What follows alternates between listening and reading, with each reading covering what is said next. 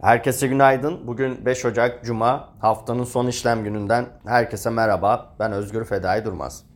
BIST endeksi geçtiğimiz işlem gününü %1,83 oranında yükseliş, 135,8 puan artışla 7548 seviyesinden tamamladı.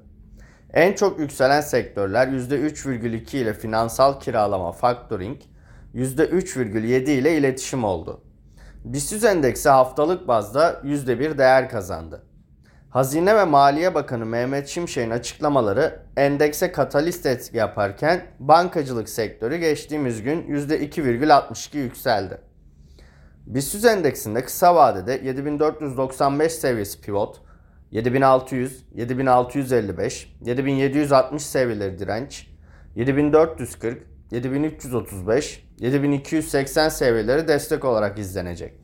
Dolar bazlı ise 255,6, 257,4, 261 seviyeleri direnç, 250,2, 246,6, 244,8 seviyeleri destek olarak takip edilecek. Hazine ve Maliye Bakanı Mehmet Şimşek, MÜSİAD'ın yıllık değerlendirme toplantısında açıklamalarda bulundu. Bakan Şimşek, dünyada 2024'te daha sıkı para politikasından daha gevşek bir para politikasına doğru evrileceğiz 2023'te Türkiye'de ekonomik büyüme güçlü seyretti. Avrupa Birliği'ndeki kademeli toparlanma ihracat beklentilerine olumlu yansıyacaktır dedi. Şimşek 2024 programımızın sonuçlarını aldığımız, ilerleme sağladığımız bir yıl olacak.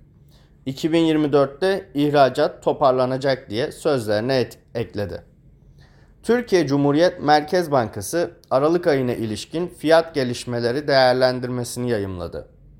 Merkez Bankası'nın değerlendirmesinde enflasyon 2023 yılını %64,77 ile son enflasyon raporunda sunulan tahminin orta noktasının altında tamamladığı belirtildi. Yıllık enflasyon temel mal ve hizmet gruplarında sınırlı yükselirken enerji ve gıda gruplarında artışın daha belirgin olduğunu belirten Merkez Bankası, enerji grubunda akaryakıt fiyatlarında gerçekleşen düşüşün sınırlı olduğunu ifade etti. ABD'de ADP özel sektör istihdam verisi açıklandı. ADP özel sektör istihdamı Aralık'ta beklentilerin üzerinde 164 bin arttı. Piyasalar bugünkü tarım dışı istihdam verisine odaklanacak.